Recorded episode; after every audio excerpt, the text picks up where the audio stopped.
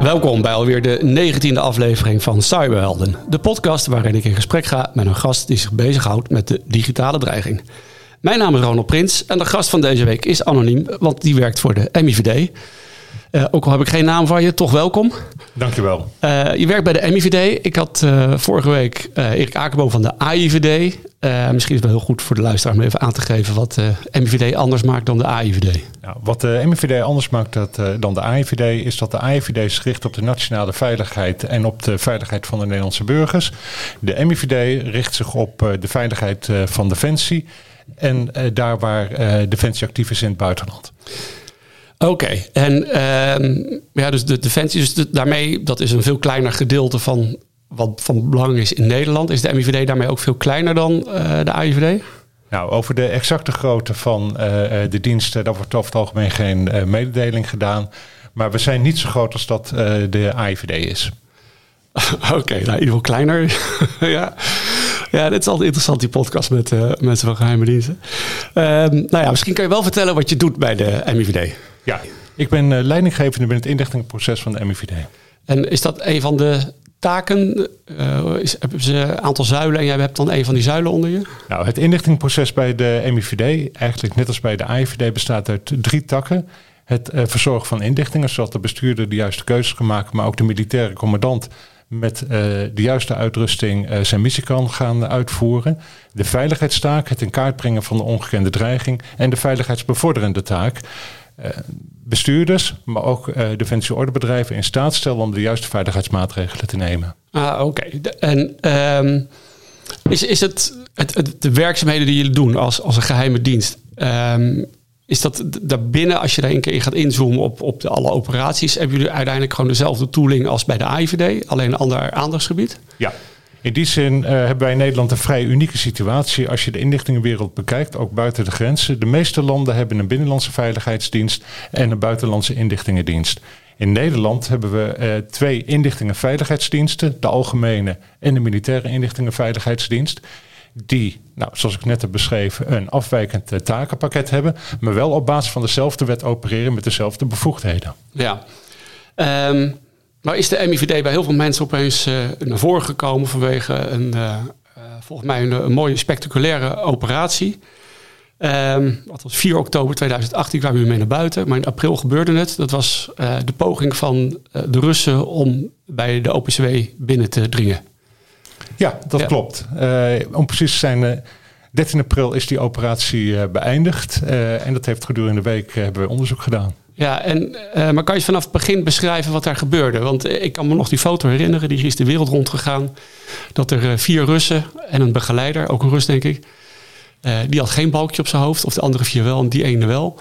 Ehm, ja, die kwam het land in. En toen hebben jullie een foto kunnen maken, want je stond ook klaar op Schiphol om ze op te wachten. Ja, ik denk dat het goed is om even een paar stappen terug te gaan en te beginnen eigenlijk van ja, hoe zag die wereld het de eerste drie maanden van 2018 eruit? Want dat is best wel bepalend ook voor de operatie die we hebben uitgevoerd. Uh, de eerste drie maanden van 2018 waren in die zin wat tumultueus, uh, geopolitiek gezien. We hebben de vergiftiging gehad, of de poging tot vergiftiging van Skripal in het Verenigd Koninkrijk. Ja. We hebben de bombardementen op uh, Douma gehad. Um, en vervolgens. Dat was in Syrië. Met dat, dat, dat, was inderdaad in Syrië, de gifgasbombardementen. En vervolgens ook een hele reeks van uh, persona non grata verklaringen van Russische inlichtingofficieren all over the world. Ja. Dat was eigenlijk de startsituatie. En, en persona non grata, wat is dat?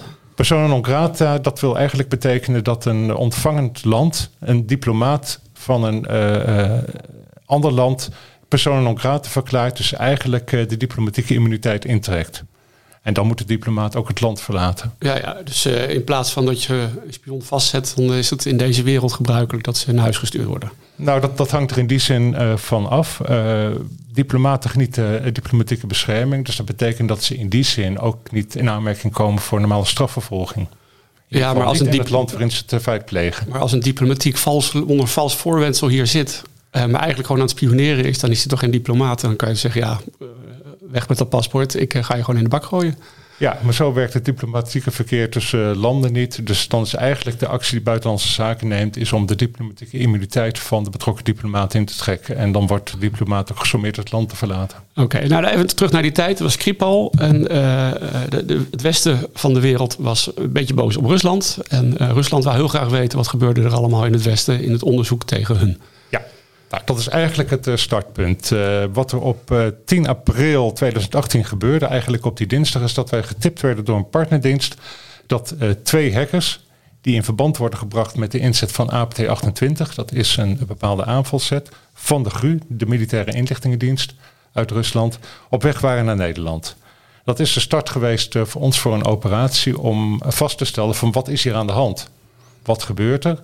Wat is het oogmerk eh, van deze hackers? Wat gaan ze doen? En um, hoe, hoe, weet jij dan, hoe weten die partnerdienst dan dat die twee Russen onze kant op kwamen? Ja, dat, dat hebben ze ons nooit uh, verteld. Maar wat wel van belang is, en ik denk dat het ook goed is om te weten, is dat uh, diensten werken met diensten. En zeker waar het gaat om, nou, waar we gemeenschappelijke belangen hebben, is er een hele nauwe uh, informatieuitwisseling. Ja, en dus ja, als zij zien dat er een, uh, iets in Nederland geschaad kan worden, dan uh, past het wel om ons te vertellen dat er uh, een groepje onderweg is. Ja, het past in ieder geval om te vertellen dat er targets, zoals het dan heet in ons jargon, via of naar Nederland reizen. Ja, ze zeiden twee, maar het bleken er vier te zijn. Ja, dat was een verrassing die we erbij die we erbij kregen. Uh, twee hackers waren aangemeld, maar er waren ook nog twee begeleiders. Ja, en, en jullie stonden inderdaad op Schiphol klaar dan om ze op te wachten? We hadden niet heel veel reactietijd, maar we zijn wel in staat geweest om eigenlijk een uh, um, observatieoperatie te starten zodanig uh, dat we vroegtijdig hen hebben kunnen oppakken, oppikken. Oké, okay. en hoe moet ik me dat dan voorstellen? Hè? Dat er komt dus dat, dat signaal komt binnen. Is er dan hele grote paniek en iedereen wordt zijn bed uitgebeld van je moet nu komen, want we moeten gaan rijden? Um, nou, zo, zo, letterlijk was het gelukkig niet. Maar uh, we moesten wel heel snel reageren. Want eigenlijk hadden we maar anderhalf uur reactietijd. En in die tijd moet je een observatieteam uh, op de benen brengen. Uh, naar Schiphol dirigeren. En eigenlijk zo positioneren dat ze ook in staat zijn om de passagiers op te pakken. Ja, oké. Okay. En jullie hebben ze kunnen onderscheppen, kunnen volgen. En toen, wat gebeurde er toen? Ja, wat er eigenlijk op dat moment gebeurt, en dat heb je altijd in inlichtingenoperaties, achteraf weten we vrij goed wat er is gebeurd. Dat kun je keurig reconstrueren. Uh, maar op het moment dat je twee hackers in Nederland binnenkrijgt, dan ga je heel snel aan de gang met het opstellen van hypotheses. Van wat komen ze doen? Gaan ze in Nederland actief zijn? Gaan ze naar het buitenland? Uh, en daar richt je eigenlijk uh, je observatie op in om antwoord te krijgen op de vraag van wie zijn het, wat, ga, wat gaan ze doen, waarom zijn ze hier, waar gaan ze heen, hoe voeren ze een operatie uit. Ja. En wat bleek er?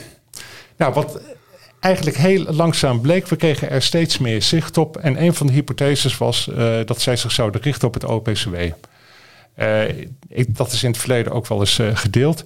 Waar uh, de GRU met name bekend om staat, is hun cyberoperaties. Die zijn eigenlijk in drie categorieën in te delen. De eerste categorie is spionage. De tweede categorie is informatiebeïnvloedingsoperaties. En de derde categorie is sabotage. Mm-hmm. nou, als je dan spreekt over het tweede, uh, de informatiebeïnvloedingsoperaties, dan spreek je over de zogenaamde hack-and-leak operaties. Nou, wat er op dat moment speelde, en dat is wel relevant uh, om, om te weten, is dat het. En de andere hack-and-leak is bijvoorbeeld uh, mevrouw Clinton geweest, hè, de Democratische Partij. De DNC-lek vanuit 2016, meen ik. Ja. Dat klopt, ja.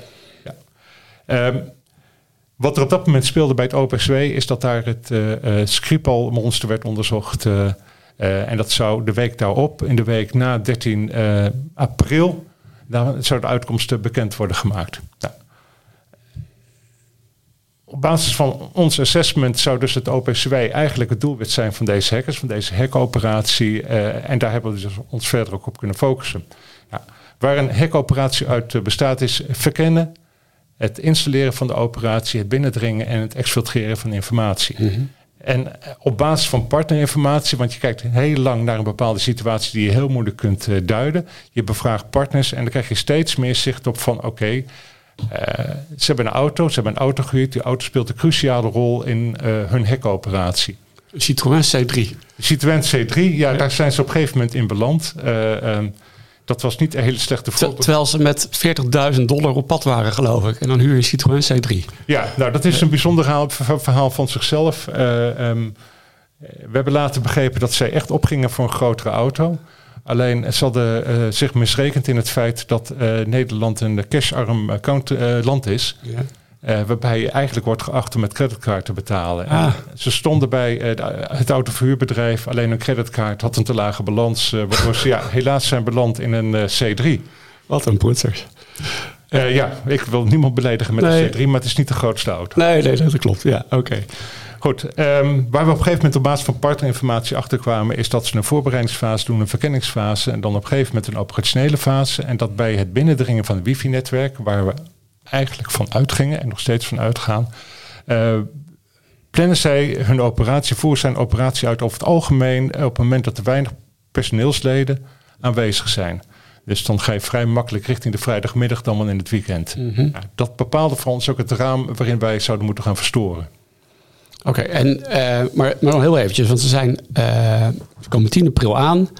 Uh, je krijgt een seintje vanuit het buitenland. Uh, jullie gaan een aantal hypotheses zelf bedenken. Gewoon op je, uh, kan je je bureau doen. Voor wat komen die hier doen? Jullie bedenken zelf, ze zullen misschien wel naar de OPCW gaan. Dus daar zit je dan drie dagen te wachten dat er ook een... Nou ja, je wist toen nog niet dat er een Citroën C3 aan zou komen. Maar ergens heb je ze in de smiezen. Ja, en dat is eigenlijk ook uh, de, de, de, aard van het inlichtingenwerk. Het is puzzelen met de puzzel waar stukjes van ontbreken en vaak ook met de blinddoek voor. Dus je hebt een hypothese, je hebt bepaalde waarnemingen, je hebt niet continu waarneming. En die waarnemingen, die probeer je te matchen aan je hypothese, die probeer je te valideren. Ja. Maar je hebt meerdere hypotheses op zo'n moment. En alle waarnemingen die je doet, moet je continu weer uh, eiken, beoordelen van wat zie ik nu eigenlijk. Ja. En dat zicht werd eigenlijk gedurende de week steeds uh, duidelijker. En op een gegeven moment hadden we met een bepaalde mate van waarschijnlijkheid... Uh, konden we ervan uitgaan dat de OpenSW het doel was van de hackers. En op basis van partnerinformatie konden we ook vrij goed een tijdsframe definiëren waarbinnen zij hun nekoperatie zouden uitvoeren. Ja. Oké, en, um, en dat was naast een hotel, hè? Marriott of Hilton, weet ik niet meer. Het Marriott Hotel. Marriott Hotel. Um, zitten jullie daar dan met, heb je dan twintig kamers gehuurd en uh, ga je daar zitten wachten dat ze steeds over de gangen lopen? Om, uh, en misschien eten ze ook wel eens een hapje daar zo, dat je het tafeltje ernaast wil zitten om te horen wat ze bespreken? Nou, het zijn gelukkig een heleboel manieren waarop je zicht kunt krijgen op uh, de intenties en de activiteiten. Je wil echt niks vertellen. ja, goed. En ga ervan uit dat we alles hebben ingezet om zo goed mogelijk zicht te krijgen. Ja, oké. Okay. Um, nou goed, je, je, ziet ze daar bezig. Ze zijn met die auto, die parkeren ze zodanig dat ze in ieder geval voor de wifi-straling goed zicht hebben uh, op OpenCW. Hè? Um, en ergens moet je dan een keuze maken van, uh, ja, we gaan ze nu, uh, we lopen er nu op af en we gaan een praatje met ze maken. Um, uh, hoe, werkt zo'n proces? Uh, wordt, dan, wordt dan nog de minister gebeld van uh, we denken we hier vier mensen te hebben en daar willen we nu iets mee gaan doen? Ja, ik denk dat het goed is om te weten dat inderdaad de minister eigenlijk vrij vroeg in het proces al is geïnformeerd over deze operatie die liep. dat past ook bij ons werk. Ehm, en gedurende de week kregen we steeds meer zicht op wat die Russen van plan waren, of wat wij dachten dat ze van plan waren daarbij hadden we op een gegeven moment van de partner ook begrepen wanneer ze een operatie zouden plannen. En dan komt op een gegeven moment het moment dat je zegt van ja, hoe lang gaan we hier nog kijken of gaan we deze operatie verstoren? Nou, dat besluit is genomen op uh, vrijdagochtend uh, vroeg. Uh, vervolgens is toestemming gevraagd aan de verschillende ministers. en toen zijn we de operatie gaan plannen. Ja, en, en, plannen, wat betekent dat? Nou ja, plannen is eigenlijk dat je een aantal mogelijke manieren van optreden uh, gaat bedenken. Van hoe ga je zo'n verstoring uh, inleiden? Uh, dat, dat kan op allerlei manieren. je kunt ze in de stad aanspreken. Je kunt ze op parkeerplaats aanspreken, op een hotelkamer. je kunt een aanrijding simuleren. Er is een hele brede variëteit van mogelijkheden die je kunt gaan gebruiken. Maar die moet je ook altijd afzetten tegen de mogelijke risico's wat is het risico op onderkenning? Ja. Wat, wat, wat, is het risico op pers? Uh, wat is het risico uh, dat ze geweld gaan gebruiken? Uh, wat is het diplomatieke risico? Ja. En, en, en wat voor keuze hebben jullie nu gemaakt? Nou, de keuze die gemaakt is, is om de heren in het hotel of bij het hotel aan te spreken. Ze eigenlijk aan te spreken bij naam. bekendstellen bij welke organisaties ze werken, met welk oogmerk ze in Nederland zijn, of in ieder geval waarvan we dachten dat ze in Nederland zijn. En vervolgens eh, is hun gevraagd om mee te werken aan uh, de, hun vervoer naar Schiphol en een vertrek uit Nederland. En toen zeiden ze, oh dat is goed. in ieder geval zeiden ze geen nee. Nee, oké. Maar en, en doen jullie dat dan zelf? Want jullie zijn geen executieve dienst, hè? dus jullie zijn niet wapendragend. Uh, je, je, weet inderdaad niet wat zij zelf uh, bij zich hebben om zich te beschermen. Misschien hebben ze wel uh, gifbommetjes bij zich. Nee, dat klopt. En daarom is ook voor een situatie gekozen waarin de collega die deze Rus heeft aangesproken werd afgeschermd door een aantal leden van de DSI. Die eigenlijk de situatie hebben bevroren. en vervolgens is elk van de vier Russen separaat aangesproken. Um, en op de hoogte gebracht van het feit dat ze een schip gebracht zouden worden. Ja, ja. en um, dan kan ik me herinneren dat een ervan heeft nog zijn telefoon op de grond eh, weten te gooien en erop stampen. Ja, wat, wat wel interessant is, is dat uh, we hadden twee hackers en twee begeleiders. Uh, de twee begeleiders waren, tot zover wij kunnen inschatten, hele ervaren inlichtingofficieren. En eigenlijk stelden die vast, oké, we zijn betrapt, prima, dit, dit hoort erbij. De twee hackers waren wat meer op, obstinaat. Uh, en een van de hackers uh, dacht zijn uh, telefoon te gaan vernietigen door hem op de grond te gooien. Ja, nou ja, goed. in paniek kan ik me het voorstellen. Maar, maar ja, ik kan me beelden herinneren dat een heel groot groepje mensen met allemaal afgeplakte hoofden rondom die Citroën C3 stonden. Dus ik dacht eigenlijk dat daar de confrontatie geweest was. De confrontatie is op de parkeerplaats geweest. Ja, ja. ja. oké. ja. En eh, een soort hete daad waren ze dan ook bezig toen met uh, die wifi-apparatuur? Of stond u gewoon passief in de auto hun ding te doen en zij konden vanuit een hotelkamer dat allemaal bedienen? Nee, tot zover we kunnen vaststellen uh, was een opzet om de apparatuur vanuit de auto te bedienen. Um, we hebben ze eigenlijk uh, geconfronteerd voordat zij hun apparatuur konden gaan bedienen. En dus in die zin, nog tijdens de voorbereiding hebben wij ze ingeladen. Ja, ja. en... Um nou, oké, dus die, die, die, vier mannen die vertrokken met zachte dwang, zou ik het zo maar zeggen dan. Dus uh, veel keuze hadden ze niet. Ehm, maar ze hebben al hun spullen gewoon achtergelaten. Dat, er was geen discussie over. Ze zeiden niet, ik wil wel al mijn laptopjes mee hebben en mijn telefoontjes. Nee, er was verder uh, geen discussie over, over uh, de spullen. De spullen die zijn gebleven, die hebben we laten kunnen onderzoeken. Ja. En uh, nou, dan gaan we straks even kijken wat er uitkwam. Maar uh, wat mij zo verbaasde is dat jullie daar informatie uit hebben gehaald. Want uh, ook mijn laptop, als jij die nu krijgt, ga je er niks uithalen. Maar een, een volwassen inlichtingofficier die een laptop bij zich heeft, die, die kan je blijkbaar wel inkijken. Nou, wat we er wel of niet hebben uitgehaald en wat we wel of niet met de apparatuur hebben kunnen doen, dat is in die zin niet zo belangrijk. Wat wel interessant is, dat wij een goed inzicht hebben gekregen in de modus operandi. Ja, jullie hebben zelf op je eigen defensie.nl website een hele mooie, mooie pdf staan met allemaal screenshots. Waarin ik, ik zag dat jullie ook hebben gezien waar de, uh, welke access points die apparaten contact mee hadden gehad. Jullie hebben foto's uh, van die spullen af weten te halen.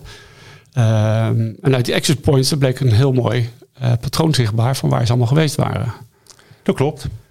Ja. Maar er waren verschillende laptops. Ja, die allemaal okay. een verschillende mate van informatie bij zich. Maar het, het was echt wel, je had het begin over een puzzel. Hè? En dan blijkt dus dat ze ook precies in Maleisië geweest zijn. Dat ze daarbij het OM in de buurt geweest zijn. Uh, MA17, uh, ander onderzoek wat ook loopt. Uh, wat, wat de Russen ook interessant vinden natuurlijk. Uh, dat sluit daar dus natuurlijk goed bij aan. Uh, ze zijn in Zwitserland geweest, bij WADA, Lausanne. Ehm, was dat is. Nee, later las ik trouwens nog dat het ook ging om een Zwitsers laboratorium. wat onderzoek doet namens OPCW. Ja, dat zijn een aantal dingen door elkaar. Op basis van de Wifis Exit Points hebben wij een aantal locaties kunnen vaststellen waar ze zijn geweest. Ze zijn onder meer ook in Brazilië geweest. Uh, en op basis van de kaartjes die ze bij zich droegen, hebben we kunnen vaststellen dat uh, daar ook het laboratorium in Spies werd uh, genoemd. Ja, precies. Ja. Um, nou, hebben jullie ook hun spulletjes verder nog doorzocht? Er zat nog een taxibonnetje tussen. Ja, dat klopt. Het befaamde taxibonnetje. Uh, wat ook een mooie afspiegeling is van het feit dat uh, bureaucratie niet alleen een Nederlandse aangelegenheid is, maar in meer landen wordt uh, bedreven. Ja, ik denk dat de heren gewoon voor een ordentelijk administratief proces keurig bonnetjes hebben bewaard. Ja, wat, wat, want wat bleek er dan uit dat taxibonnetje?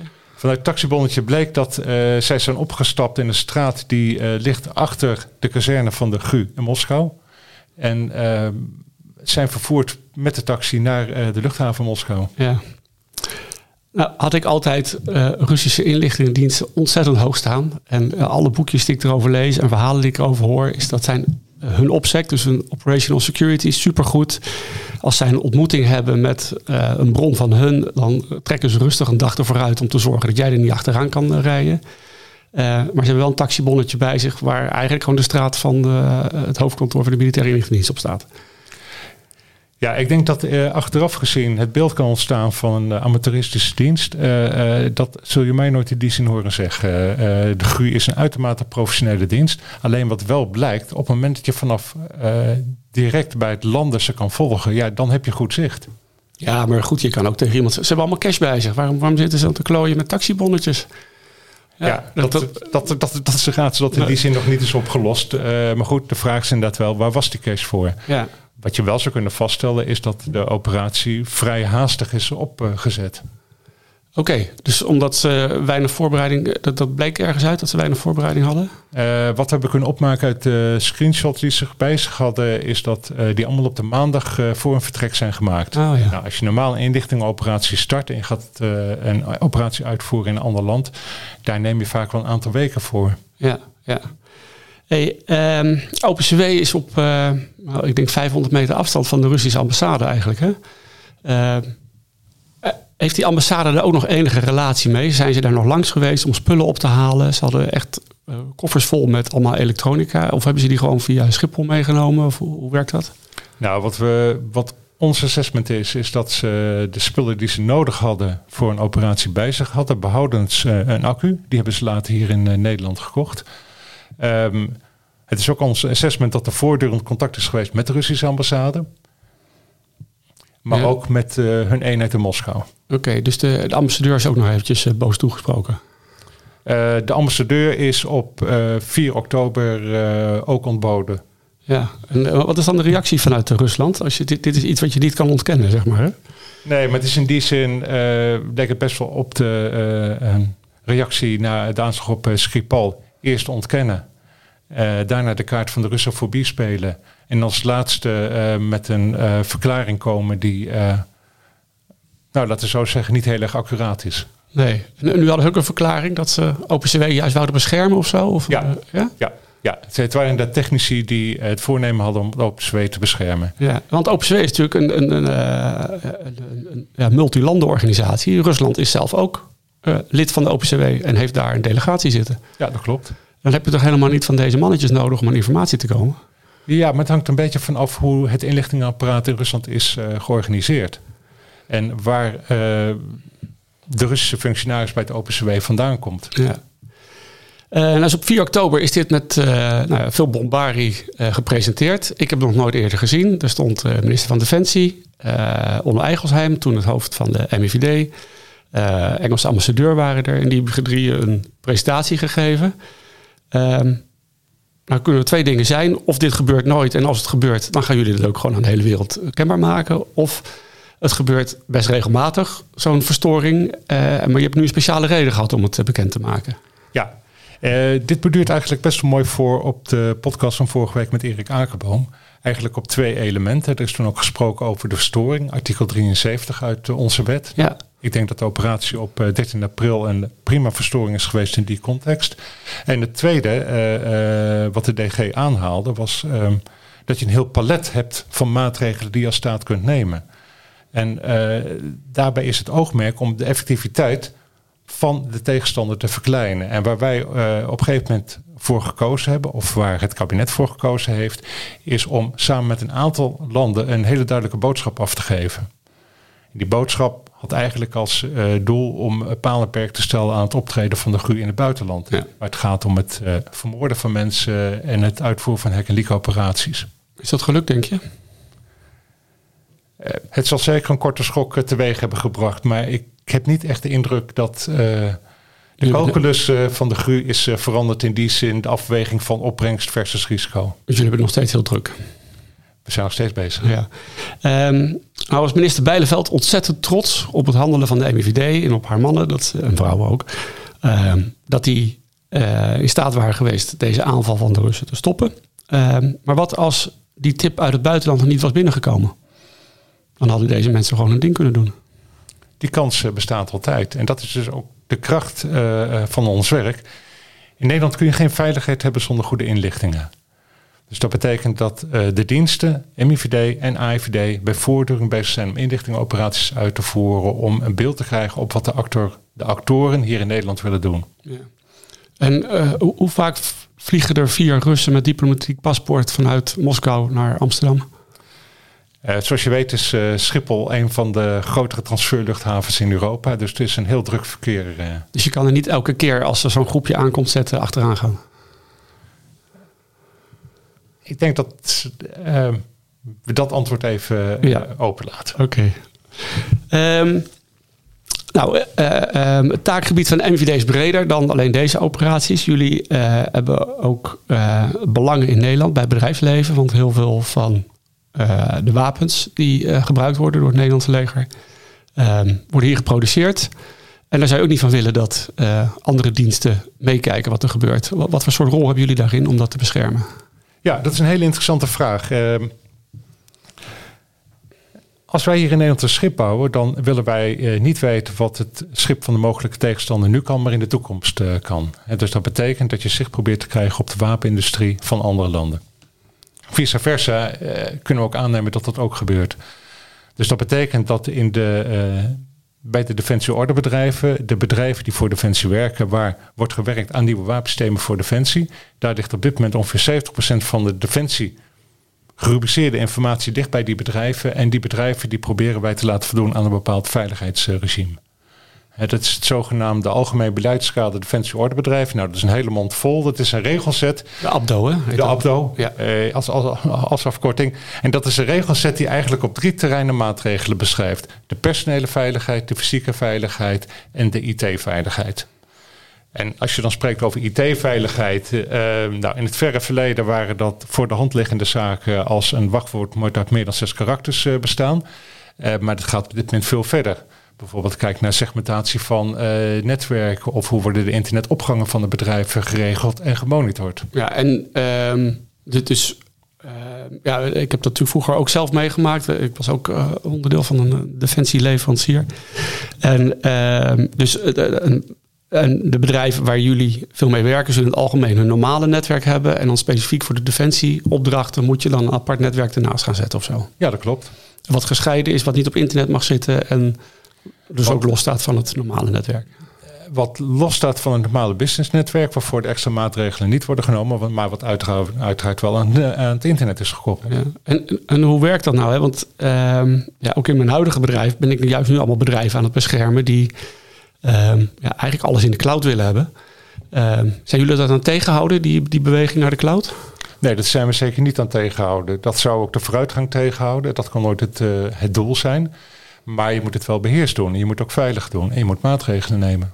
Dus, maar als je dus voor Defensie werkt, dan kan je dat niet met Office 365 doen. Dan moet je lokaal een je eigen mailservertje hebben staan, een apart netwerkje. En die cloud kan je niet gebruiken dan. Nou, dat is wel een uh, goede vraag. Uh, kijk, in die zin geldt dat we gewoon per bedrijf kijken... wat is de dreiging, wat zijn de maatregelen die je moet nemen. Heb je hoog gerubriceerd materiaal... dan moet je netwerk op een andere manier ingericht zijn... dan wanneer je laag gerubriceerd materiaal hebt. En, en hoe stellen jullie nou vast uiteindelijk of dat netwerk goed veilig is? Uh, wat wij doen, wij, wij, wij, bedrijven worden door ons ingeschakeld. Dat betekent dat ze aan bepaalde voorwaarden moeten voldoen. En uh, vervolgens worden ze periodiek geauditeerd. Dus dat betekent dat er ook cyberauditors naar een bedrijf gaan... en eigenlijk daar samen met... Uh, dat bedrijf het hele systeem doorlopen. Ja, en, en is dat, uh, nou ja, gaan ze tegenover elkaar zitten aan een bureautje en een vragenlijst doorlopen? Of eh, gaan de, nou, de mensen die eigenlijk van jou normaal aan het hacken zijn, laat je die ook eens los op jouw eh, toeleveranciers af en toe? Nee, dat uh, laatste doen we zeker niet. Maar de audits worden wel verricht door collega's die verstand van zaken hebben. Vaak zijn het CISO's die uit het bedrijfsleven zijn overgekomen, dus die ook weten waarover ze spreken. Oké, ja. En als je er algemeen naar kijkt dan, want daarmee krijg je dan ook een soort beeld over hoe goed uh, het Nederlandse bedrijfsleven beveiligd is. Wat, wat voor soort beeld krijg je dan? Um, ik denk dat er altijd verbetering uh, mogelijk is. Ja, dat is in de standaard voorzichtigheid zoals jij dingen zegt. um, ja, het, het, moet natuurlijk veel. Maar is het voor jullie wel werkbaar uiteindelijk? Hè? We, hebben, we hebben het net gehad over die, die groepen zoals APT28 en APT29. Bijvoorbeeld die Russen die uh, technisch ontzettend goed zijn. Ehm, kan je nou verwachten van die bedrijven dat ze zelf in staat zijn uh, dat soort landen buiten zich te houden? Um, nou, ik denk dat dat steeds moeilijker wordt. En de vraag is of de wijze waarop wij onze IT en ons uh, internet in Nederland geregeld hebben, op dat ook een antwoord is op uh, dit soort dreigingen. Ja, als ik bijvoorbeeld kijk naar, naar de Fransen en de Engelsen, Ehm, daar zie je ook echt een wat meer operationele rol vanuit de inlichtingendiensten om die bedrijven eh, te helpen zich veilig te maken. Ja, dat is op zich uh, ook, ook een hele interessante vraag. Wat je nu eigenlijk zich ziet aftekenen, dat je in de wereld, of in de westerse wereld, uh, twee dominante systemen hebt om uh, internetveiligheid te regelen. Aan de ene kant zie je de meer Brits georiënteerde systematiek van NCC.UK, die een hele centrale rol neemt, waarbij uh, maatregelen en inlichtingen in één organisatie worden gevat. En aan de andere kant zie je de wijze waarop onder meer in Nederland en België is uh, geregeld, meer in, daar, uh, ja, meer in de polder georganiseerd. Ja. Voor beide systemen is een heleboel te zeggen. Maar het moet ook heel goed passen bij de bestuurlijke cultuur van het land. Ja, dat snap ik. En ik heb voor mezelf in ieder geval, ik durf het wel uit te spreken, gevoeld dat onze bestuurlijke cultuur een beetje tegen zit in deze zin. Want je zei het zelf al een paar keer, diensten praten met diensten. Dus uh, ja, krijgt ons NCSC in Nederland uh, eigenlijk wel de goede informatie die ze nodig hebben om hun taak uit te kunnen oefenen? Uh, als het aan ons ligt, zeker wel. Ja, want jullie delen ook informatie met het NCSC. Wij delen ook informatie met het NCSC. En dan zeg je niet van, nou dan weten jullie het, maar je mag er niks mee doen. Um, met wat we delen, daar mogen ze mee doen wat ze moeten doen. Maar je houdt ook af en toe toch dingen voor je. Um, je weet hoe het systeem werkt. Ik weet het, ja. Oké, ik zal niet je naam noemen, maar toch heel veel dank. Uh, de anonieme cyberheld van de MIVD. Heel veel dank voor, uh, voor dit gesprek. Elke donderdag kan je naar een nieuwe aflevering van Cyberhelden luisteren. Mijn gesprekken met de cyberhelden kan je terugluisteren via Spotify, de podcast-apps van Apple en Google en via de website cyberhelden.nl. Veel dank weer voor het luisteren en graag tot volgende week. Cyberhelden.